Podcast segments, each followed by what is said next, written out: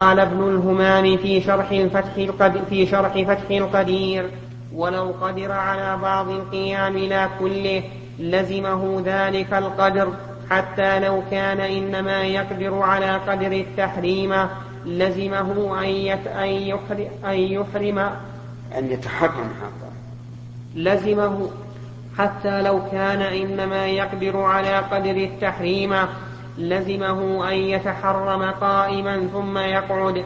وأما كلام المالكية فقد صرحوا بالوجوب أيضا. قال الحطاب في مواهب الجليل شرح مختصر خليل ولو عجز عن الفاتحة قائما فالمشهور الجلوس. قال ابن عبد السلام والذي ينبغي في ذلك أنه إن قدر على شيء من القيام أتى به.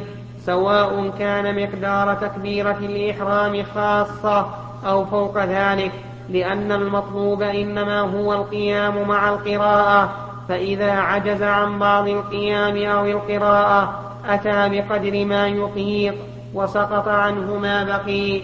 وظاهر كلام المؤلف أنه يسقط عنه القيام جملة حتى حتى حتى لتكبير.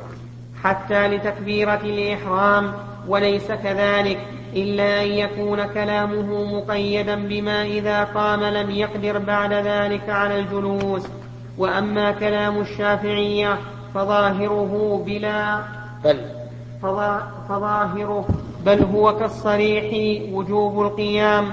قال في مغني المحتاج الثالث من أركان الصلاة القيام في فرض للقادر عليه ولو بمعين بأجرة فاضلة عن مؤونته ومؤونة من يمونه يومه وليلته فيجب حالة الإحرام به. وهذا معنى قول الروضة كأصلهما يجب أن يكبر قائما حيث يجب القيام. وقال النووي في المجموع ولو صلى قاعدا للعجز فقدر على القيام في أثنائها وجب المبادرة بالقيام ويبني ولو صلى مضطجعا فأطاق القيام أو القعود في أثنائها. وجب المبادرة بالمقدور ويبني. الفصل الثاني في حد العجز المسقط للقيام أما كلام الحنابلة فقال في الإنصاف قوله فإن لم يستطع فقاعدا بلا نزاع. وكذا إن كان يلحقه بالقيام ضرر أو زيادة مرض أو تأخر أو تأخر برء ونحوه فإنه يصلي قاعدا على الصحيح من المذهب وعنه لا يصلي قاعدا إلا إذا عجز عن القيام لدى إلا إذا عجز عن القيام لدينا وأسقط ال... إلا إذا عجز عن القيام لدنيا وأسقط ولا لابد فيها تحريف في الأصل. هنا مشي نحط عليها السبحان وأسقط القاضي القيام بضرر متوهم وأنه لو تحمل الصيام أو القيام حتى زاد مرضه أثم ونقل عبد الله إذا كان قيامه يوهنه ويضعفه أحب إلي أن يصلي قاعدا وقال أبو المعاني يصلي شيخ كبير قاعدا إن أمكن معه الصوم. وأما كلام الحنفية فقال ابن الهمام في شرح فتح القدير قوله إذا عجز المريض إلى آخره المراد أعم من العجز الحقيقي حتى لو قدر على القيام لكن يخاف بسببه إبطاء برء أو كان يجد ألما شديدا إذا قام. جاز له تركه فإن لحقه نوع مشقة لم يجز ترك القيام بسبب بسببها أو قدر عليها متكئا أو على عصا أو خادم. وقال ابن عابدين في حاشيته واختلفوا في التعذر فقيل ما يبيح الإفطار وقيل التيمم وقيل بحيث لو ق... وقيل التيمم يعني ما يبيح التيمم. وقيل بحيث لو قام سقط وقيل ما يعجزه عن القيام بحوائجه والأصح أن يلحقه ضرر بالقيام. وأما كلام المالكية فقال الدسوقي في حاشيته على الشرح الكبير والحاصل أن الذي يصلي الفرض جالسا هل هو من لا يستطيع القيام جملة ومن يخاف من القيام المرض أو زيادته كالتيمم وأما من يحصل له به المشقة الفادحة فالراجح أنه لا يصلي لا يصليه جالسا. الظاهر أن نقول هو من لا يستطيع لعله هل هو؟ إذا قال هل هو من لا يستطيع القيام؟ جملة. أو نعم. والحاصل الذي يصلي الفرد جالسا هو ومن لا يستطيع القيام جملة وما ومن يخاف من القيام المرض أو زيادته كالتيمم لا ماشي ماشي نعم.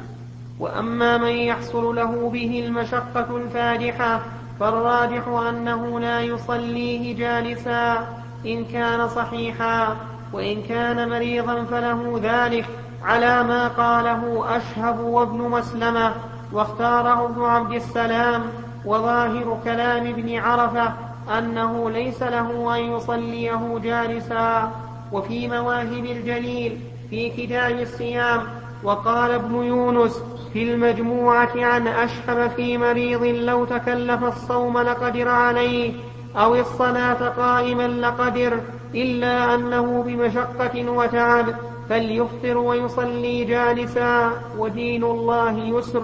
وأما كلام الشافعية فقال النووي في المجموع قال أصحابنا لا يشترط في العجز أن لا يتأتى القيام ولا يكفي أدنى مشقة بل المعتبر المشقة الظاهرة. فإذا خاف مشقة شديدة أو زيادة مرض أو نحو ذلك أو خاف راكب السف أو خاف راكب السفينة الغرق أو دوران الرأس صلى قاعدا ولا إعادة وقال إمام الحرمين في باب التيمم الذي أراه في ضبط العجز أن يلحقه بالقيام مشقة تذهب خشوعا لأن الخشوع مقصود الصلاة والمذهب الأول وفي مغني المحتاج وجمع شيخي بين كلام الروضة والمجموع بأن إذهاب الخشوع ينشأ عن مشقة شديدة والله أعلم وصلى الله وسلم على نبينا محمد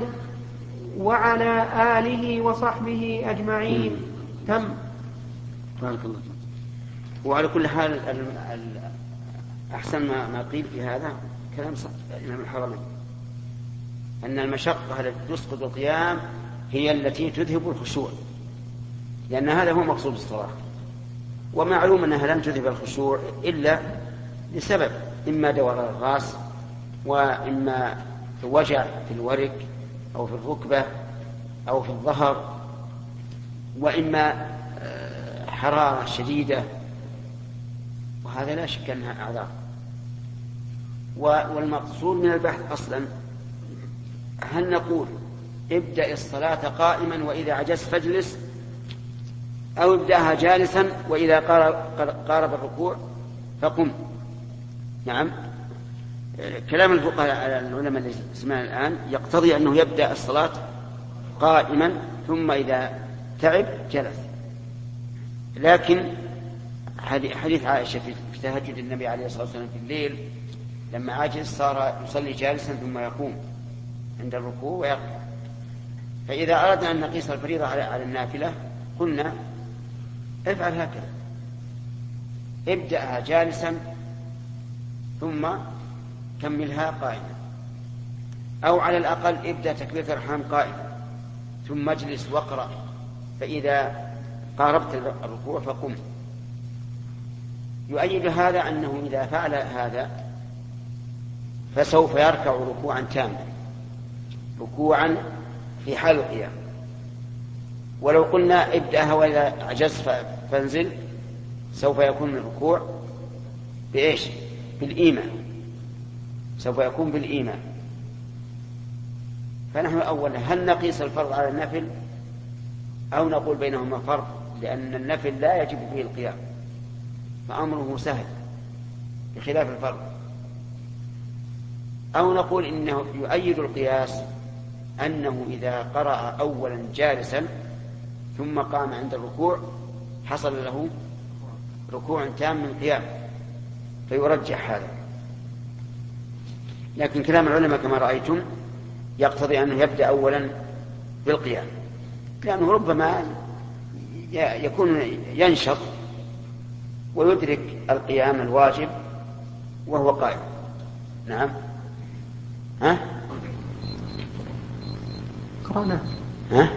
قرأته. أظن قرأناه. إيه. إيه. أي نعم. إيش؟ إيه بعد ما يصحح في كلمات تحتاج إلى تصحيح نعم يا سليم. إيش؟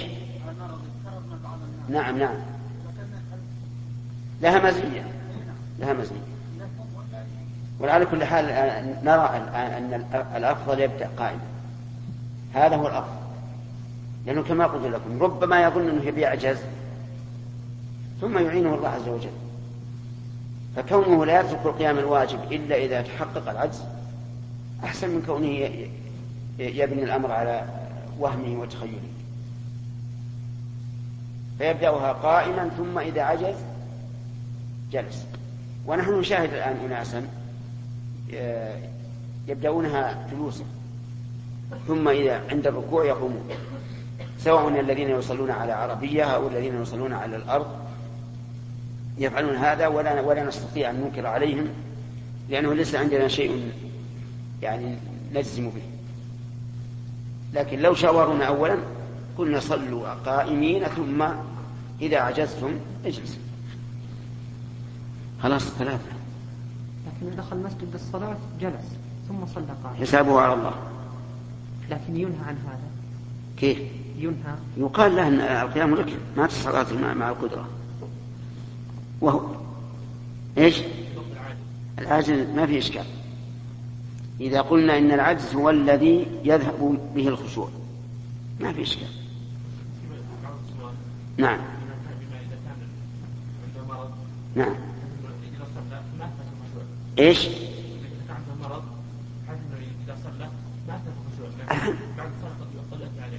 إيش؟ بعض الناس قد يكون عنده مرض نعم لا يأثر في الصلاة طيب الحمد لله. ولكنه إذا أتى الصلاة أثر عليه. إذا إيش؟ إذا أتى الصلاة أثر عليه الركوع والسجود. إذا؟ إذا أتى الصلاة نعم. أثر عليه الركوع. ما يخالف. هذا نقول إذا كنت تخشى من شيء مستقبل بزيادة المرض هذا مما يبيح لك. بسم الله الرحمن الرحيم.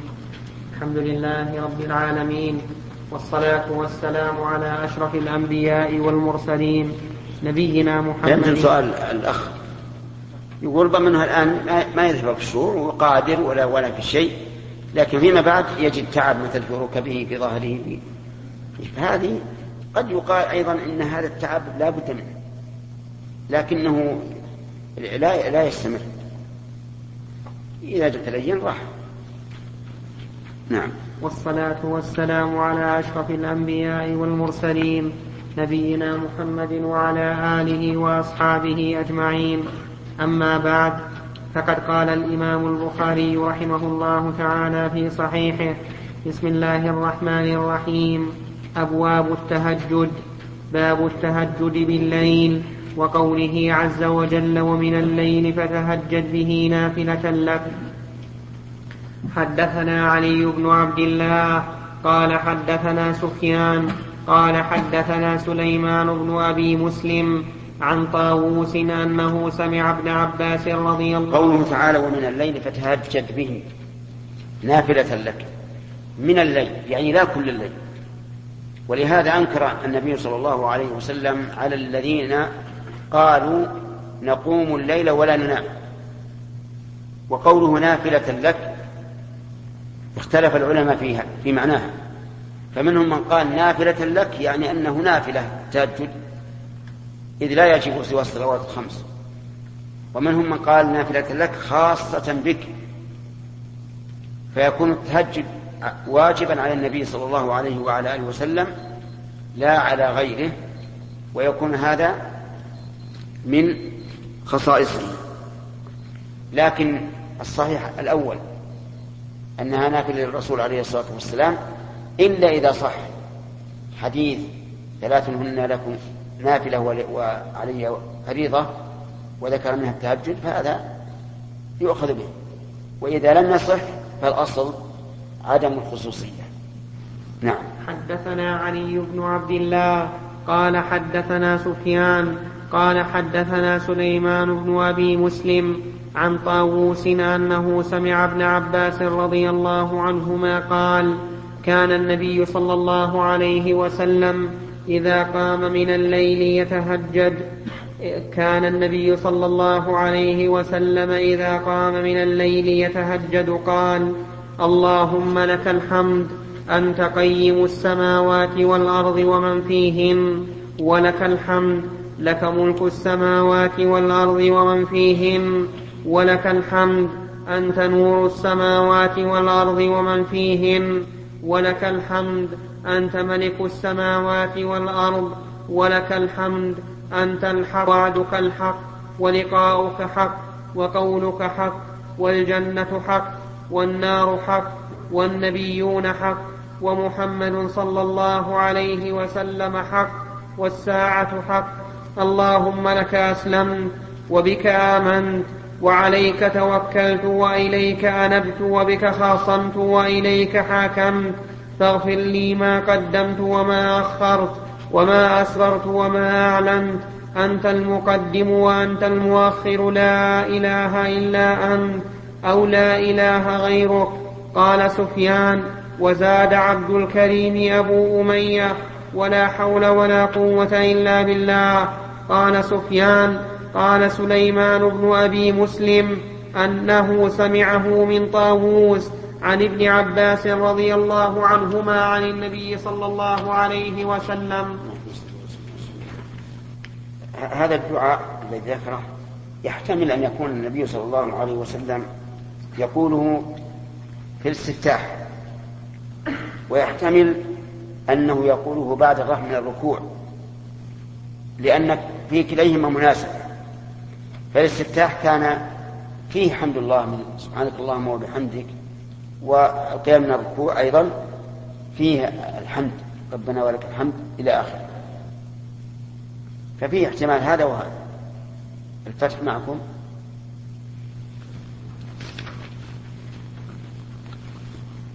قوله إذا قام من الليل يتهجد. نعم. وفي رواية مالك عن أبي الزبير عن طاووس إذا قام إلى الصلاة من جوف الليل وظاهر السياق أنه كان يقوله أول ما يقوم من الصلاة وترجم عليه ابن خزيمة الدليل على أن النبي صلى الله عليه وسلم كان يقول هذا التحميد بعد أن يكبر ثم ساقه من طريق قيس بن سعد عن طاووس عن ابن عباس قال كان رسول الله صلى الله عليه وسلم إذا قام للتش... كان رسول الله صلى الله عليه وسلم إذا قام للتهجد قال بعدما يكبر اللهم لك الحمد.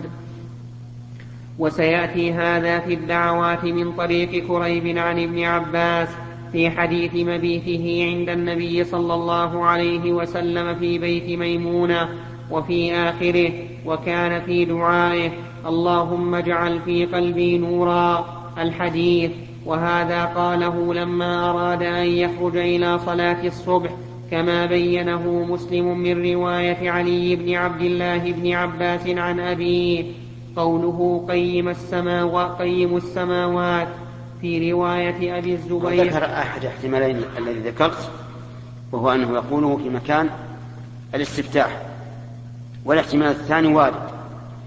الاحتمال الثاني وارد لكن رواية ابن خزيمة تدل على أنه بعد التكبير ترجح أنه بعد التكبير. انتهى. أما بعد فقد قال الإمام البخاري رحمه الله تعالى في كتاب التهجد باب فضل قيام الليل. حدثنا عبد الله بن محمد قال حدثنا هشام قال أخبرنا معمر وحدثني محمود. قال حدثنا عبد الرزاق قال أخبرنا معمر عن الزهري عن سالم عن أبيه رضي الله عنه قال كان الرجل في حياة النبي صلى الله عليه وسلم إذا رأى رؤيا قص إذا رأى رؤيا قصها على رسول الله صلى الله عليه وسلم فتمنيت أن أرى رؤيا فأقصها على فأقصها على رسول الله صلى الله عليه وسلم. وكنت غلاما شابا. وكنت أنام في المسجد على عهد رسول الله صلى الله عليه وسلم. فرأيت في النوم كأنما خذاني فذهبا بي إلى النار. فإذا هي مطوية كطي البئر وإذا لها قرنان وإذا فيها أناس قد عرفتهم فجعلت أقول أعوذ بالله من النار. قال فلقينا ملك آخر. فقال لي لم ترع. فقصصتها على حفصة. فقصتها حفصة على رسول الله صلى الله عليه وسلم. فقال نعم الرجل عبد الله. لو كان يصلي من الليل. فكان بعد لا ينام من الليل إلا قليلا. هذا فيه دليل على أن قيام الليل يمنع من دخول النار يعني سبب للنجاة منها. وفيه دليل على أن الغلمان في عهد الرسول عليه الصلاة والسلام يتمنون أن يقصوا عليه ما يرون لمحبتهم لمكالمة النبي صلى الله عليه وعلى آله وسلم. وفيه دليل أيضا على أن الله تعالى قد ينبه المرء إذا كان مقصرا في شيء إما برؤيا أو بغير ذلك. لأن الله نبه عبد الله بن عمر بن عمر, بن عمر بهذا التنبيه. وفيه الثناء على الرجل إذا كان أهلا له. وأما قول الرسول صلى الله عليه وسلم لو كان يصلي من الليل فليس معنى فليست له هنا شرطية. وأن الرسول جعل الثناء مشروطا بأن يصلي من الليل. لكنها للتمني. نعم الرجل عبد الله كان قال ليته يصلي من الليل. نعم. باب باب طول السجود في نعم وفيه أيضا دليل على جواز التوكيل في العلم لأن ابن عمر رضي الله عنه قصها على أخته حفصة فقصتها على رسول الله صلى الله عليه وسلم وأخته أكبر منه. وفيه أيضا دليل على أن الرجل قد يتعلم من المرأة وتكون أفقه منه وهذا كثير. وفي أيضا جواز أن يقص الرجل على غيره ما قصه عليه أحد من الناس. لكن إن كان مما يستحيا منه فلا ينبغي إلا بإذنه. وأما إذا كان خيرا فلا بأس. وفيه أيضا دليل على حرص عبد الله بن عمر رضي الله عنهما على الخير. لأنها قالت فكان بعد لا يقول سالم عن أبيه كان بعد لا ينام من الليل إلا قليلا. نعم. أحسن الله إليكم. لو قلنا بأنها شرطية وش يكون التقدير؟ المعنى أنه لا يثنى عليه إلا إذا كان يصلي من الليل.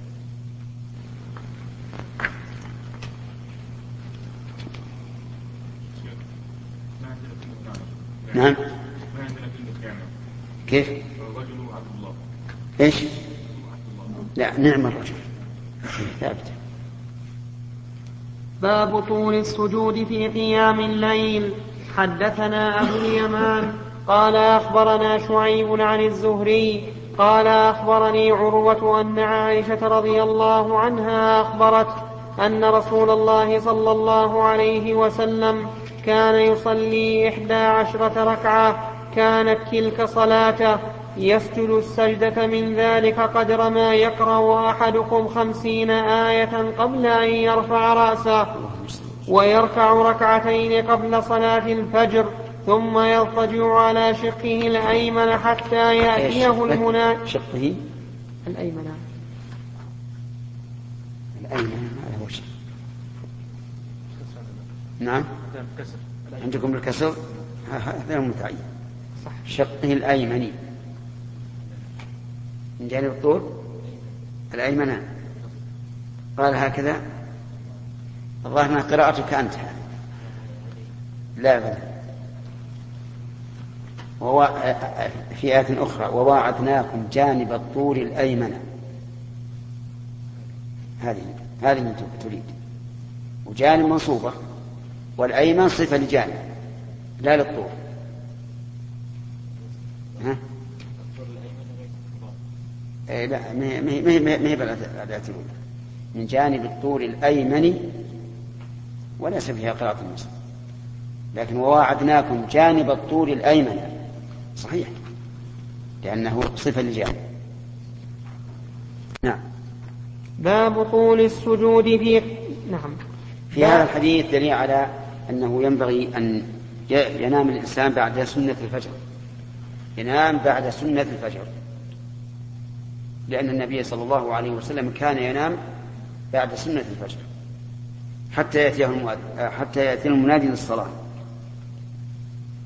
فيعلمه أن وقت الإقامة قد حان. واختلف العلماء في هذه في هذه في هذا النوع. فقال بعضهم إنه سنة مطلقة.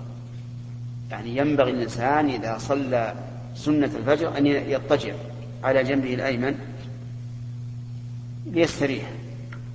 وقال بعض العلماء إنها شرط لصحة الصلاة وأن من لم ينم من لم يضطجع فصلاة الفجر في حقه باطلة فهي كالوضوء عنده. وقال آخرون إنها سنة لمن احتاج إليها. كالذي قام يتهجد في الليل وصار عنده تعب وصلى الركعتين الخفيفتين راتبة الفجر ثم أراد أن يستريح قليلا حتى يقوم إلى صلاة الفجر نشيطا. وهذا الأخير اختيار شيخ الإسلام ابن تيمية رحمه الله. والأول المشهور من المذهب. والثاني اختيار ابن حزم رحمه الله. يرى أن الاضطجاع بعد سنة الفجر من شروط صحة صلاة الفجر. وهذا بناء على صحة الحديث الوارد في أمر في أمر النبي صلى الله عليه وسلم بها أي بهذه الضجعة ولكن هذا الحديث لا يصح. وإنما صح الاضطجاع من فعل الرسول صلى الله عليه وسلم لا من قوله. كما ذكر ذلك أهل العلم رحمهم الله. يبقى النظر هل هذا سنة في حق من أدى الراتب في بيته أو حتى من أداها في المسجد؟ الظاهر لي الأول. لأن من أداها في المسجد ف... فعنده ما يقويه ولا أعهد أن الصحابة كانوا يضطجعون في المسجد. ثم هل نقول إنها سنة؟ ولو خشي الإنسان أن يغلبه النوم؟ الجواب لا. لو خشي الإنسان أنه إذا اضطجع بعد سنة الفجر جعله نومه إلى الضحى. فهذا لا نقول اضطجع. بل نقول قم إلى المسجد نشيطا. نعم.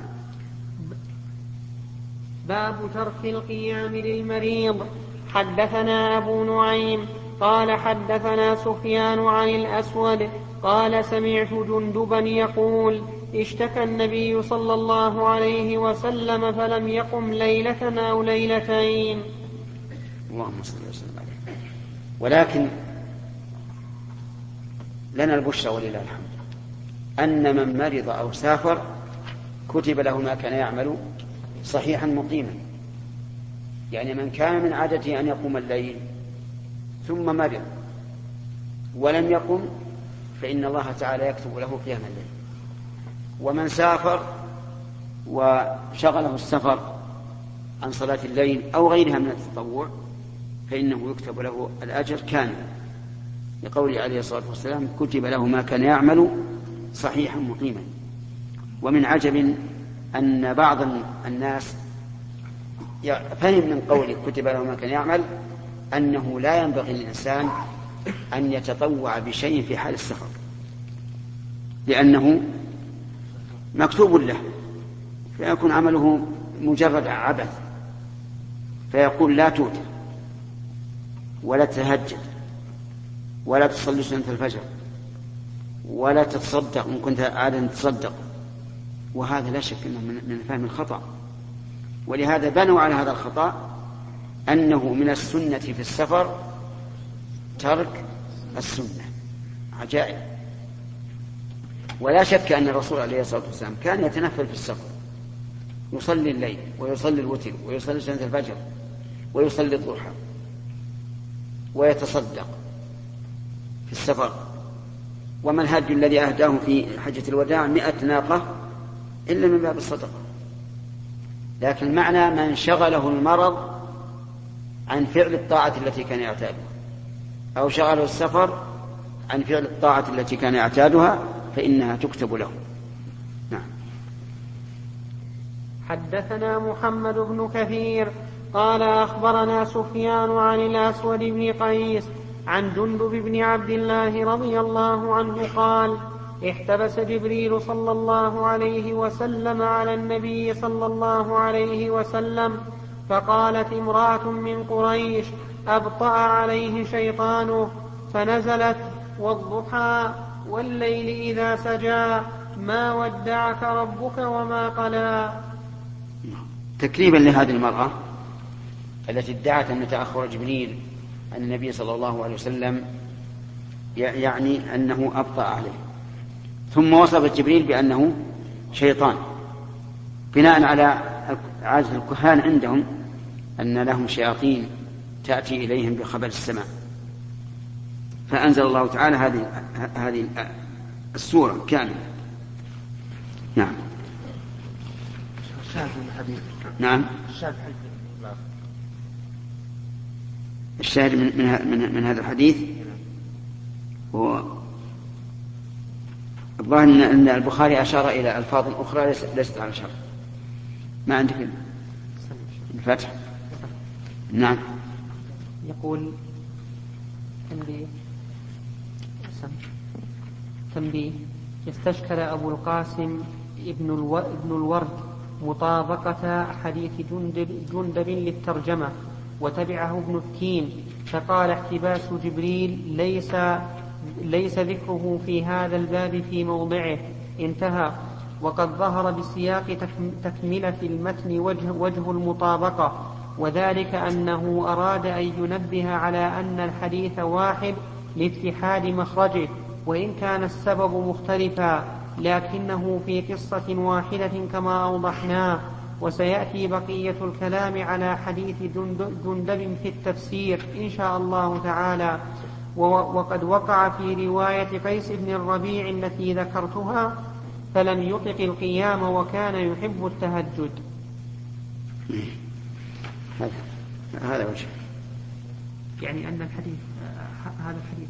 البخاري رحمه الله حذف ما ما يشير إلى الترجمة أو يكون في مكان آخر أو لأنه فيه ألفاظ تدل على هذا ليست على شرط. وهذه كثيرا في عادة البخاري. وغرضه بهذا أن يحرص الإنسان على البحث ويتعب في هذا. نعم. جاوبت الأسئلة؟ نعم هذا يشوف السؤال. أي لا باقي باقي بارك الله فيكم. باقي عشر ثواني. على أي شيء شيء؟ على الخمس. ما في خمس. البخاري ما في خمس. ما في خمس؟ لا البخاري مسلم بعد نهاية الباب. طيب.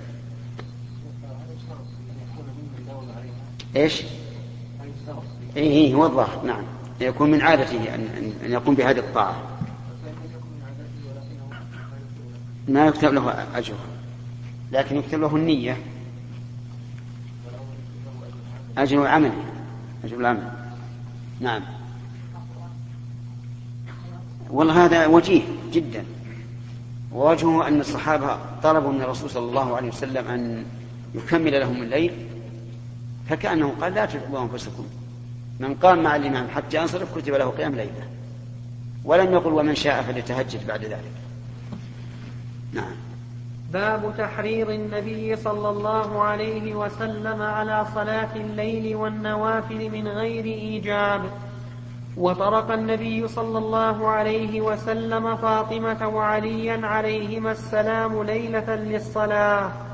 حدثنا ابن مقاتل قال أخبرنا عبد الله قال أخبرنا معمر عن الزهري عن هند بنت الحارث عن أم سلمة رضي الله عنها أن النبي صلى الله عليه وسلم استيقظ ليلة فقال سبحان الله ماذا أنزل الليلة من الفتنة؟ ماذا أنزل من الخزائن؟ من يوقظ صواحب الحجرات؟ يا رب كاسية في الدنيا عارية في الآخرة. وهذا يدل على أنه ينبغي إيقاظ الأهل لصلاة الليل لقوله من يوقظ وهذا حث على إيقاظ صواحب الحجرات يعني زوجاته. وقوله عليه الصلاة والسلام سبحان الله يعني تنزيها لله تبارك وتعالى عن العبث في أفعاله وأحكامه. وقول ما ماذا أنزل الليلة من الفتن وفي رواية من الفتنة وفي رواية من الفتن. يعني العظيمة. ولكن من وفقه الله تعالى نجا من هذه الفتنة. وماذا أنزل من الخزائن؟ وقد وقع هذا. ففتحت الخزائن من مشارق الأرض ومغاربها على النبي صلى الله عليه وسلم. وقوله يا رب يا هنا للتنبيه لأنها دخلت على ما لا يمكن مناداته. وإذا دخلت يا, يا, يا النداء على ما لا تمكن مناداته فهي إما للتنبيه وإما للتمني أو لغير ذلك. المهم أنها لا تكون للنداء. وقوله رب كاسية في الدنيا عارية في الآخرة. أي رب نفس وليس المعنى رب امرأة. لا رب نفس كاسية في الدنيا لكنها عارية يوم القيامة. وذلك إذا كان الإنسان إذا كانت النفس كاسية في الدنيا الكسوة الحسية لكنها في الآخر لكنها لم تكتسي الكسوة المعنوية وهي أجيب التقوى.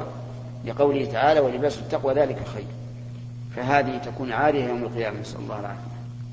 حدثنا أبو اليمان قال أخبرنا شعيب عن الزهري قال أخبرني علي بن حسين أن حسين بن علي أخبره أن علي بن أبي طالب أخبره أن رسول الله صلى الله عليه وسلم تركه وفاطمة بنت النبي عليه السلام ليلة فقال ألا تصليان؟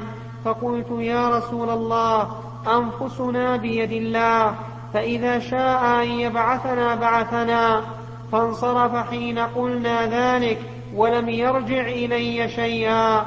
ثم سمعته وهو مول يضرب فخذه وهو يقول وكان الإنسان أكثر شيء جدلا. هذا الحديث فيه فوائد. منها جواز طلق القريب ومن له صلة بالإنسان ليلا لأن النبي صلى الله عليه وسلم فعله. أما إذا لم يكن قريبا فإنه لا ينبغي أن تطلق ذلك يفزعه ومنها من الفوائد حث النبي صلى الله عليه وسلم على صلاة الليل لأن قوله ألا تصليان أداة عرض لكنها للتحضير هنا. ومنها جواز الاحتجاج بالقدر إذا كان بعد مضي الأمر لا للاستمرار على المعصية لأن النبي صلى الله عليه وسلم لم ينكر على علي رضي الله عنه حين قال أنفسنا بيد الله فإذا شاء أن يبعثنا بعثنا. وهذا هو أحد التأويلين في حديث المحاجة التي وقعت بين موسى وآدم. فإن آدم لما عاتبه موسى عليه الصلاة والسلام قال له أتلومني على شيء قدره الله علي قبل أن يخلقني بأربعين سنة؟ قال النبي صلى الله عليه وسلم فحج آدم موسى. يعني غلبه في الحجة. وهذا الحديث يعني حديث المحاجة اختلف شيخ الإسلام وتلميذه ابن القيم في تخريجه على القواعد الشرعية. فشيخ الإسلام رحمه الله قال إن آدم احتج بالقدر على المصيبة التي حصلت وهي إخراجه من الجنة لا على الفعل الذي هو السبب. ولذلك لو أن أحدا سافر وحصل عليه حادث فقال له بعض الناس سيقول هذا بقدر الله ليس يحتج على سفره لأنه ما سافر ليحصل الحادث ولكن يحتج على الحادث الذي حصل. فيقول شيخ الإسلام هذا حجة بالقدر على المصائب لا على المعايب. أما ابن القيم رحمه الله فنحى نحوا آخر. وقال إن الاحتجاج بالقدر مع الاستقامة لا بأس بها. فإذا وقع من الإنسان زلة وعوتب عليها وقال مع توبته قال والله هذا أمر قدره الله عليه. وأنا أعرف أن الحليم لا يفعله والملتزم لا يفعله لكن هذا شيء مقدر حصل مني فلتة. فهذا لا بأس به. لأنه إيش؟ لأن إيش؟ لأن نعم لأنه سلم فوض الأمر إلى الله. وهو لم يحتج بالقدر ليستمر في في معصيته. ولذلك احتج الله تعالى بالقدر تسلية للنبي صلى الله عليه وسلم. فقال ولو شاء الله ما أشركوا وما جعلناك عليهم حفيظا. تسلية له مع أن الذين قالوا لو شاء الله ما أشركنا أبطل الله حجتهم. لأن هؤلاء احتجوا برير فعلهم واستمرارهم عليه وأما الاحتياج بالقدر لغرض آخر فهذا حق. وكلا الوجهين حق. كلا الوجهين حق. ويرجح كلام شيخ الإسلام رحمه الله أنه عليه الصلاة والسلام أن يلوم أباه على ذنب قد تاب منه. وهداه الله تعالى بعد ذلك وتاب عليه واجتباه. فموسى عليه الصلاة والسلام أكرم وأفقه وأبر من أن يلوم أباه على ذنب قد تاب منه. فتوجيه شيخ الإسلام أقوى لكن في حديث علي وفاطمة لا يتأتى إلا ما ذهب إليه ابن القيم في أن هذا احتجاج بإيش؟ بالقدر ها؟ بالقدر بالقدر بعد وقوع الشيء لا للاستمرار فيه ومع ذلك لا نقول إن الرسول عليه الصلاة والسلام ارتضى ذلك الجواب رضا تاما لأنه صرف وهو يقول نعم يضرب على فخذه عليه الصلاة والسلام ويقول وكان الإنسان أكثر شيء جدلا. فيفهم من هذا أن الرسول أن أن علي بن أبي طالب قال ذلك الاعتذار على سبيل المجادلة لأن الرسول صلى الله عليه وسلم كان يعلم أن أنفسهما بيد الله عز وجل وأنه لو شاء الله لبعثهم. لكن لا بد من تفريط. في وقتنا الحاضر قد جعل الله تعالى أسبابا والحمد لله. أسبابا يستطيع الإنسان أن يقوم, أن يقوم بها متى شاء. مثل ساعات. أي مثل الساعات المنبهة. تليفون. الساعات المنبهة هذه تنبه. لكن بعض الناس يكون مستغرقا في النوم إذا سمع تنبيهها غمزها وسكتها. فنقول أبعدها عنك. قال لي بعض الشك إذا أبعد عنه لا يسمع. وإن قربها إليه سكتها. يمكنك الآن أن تقلب الشريط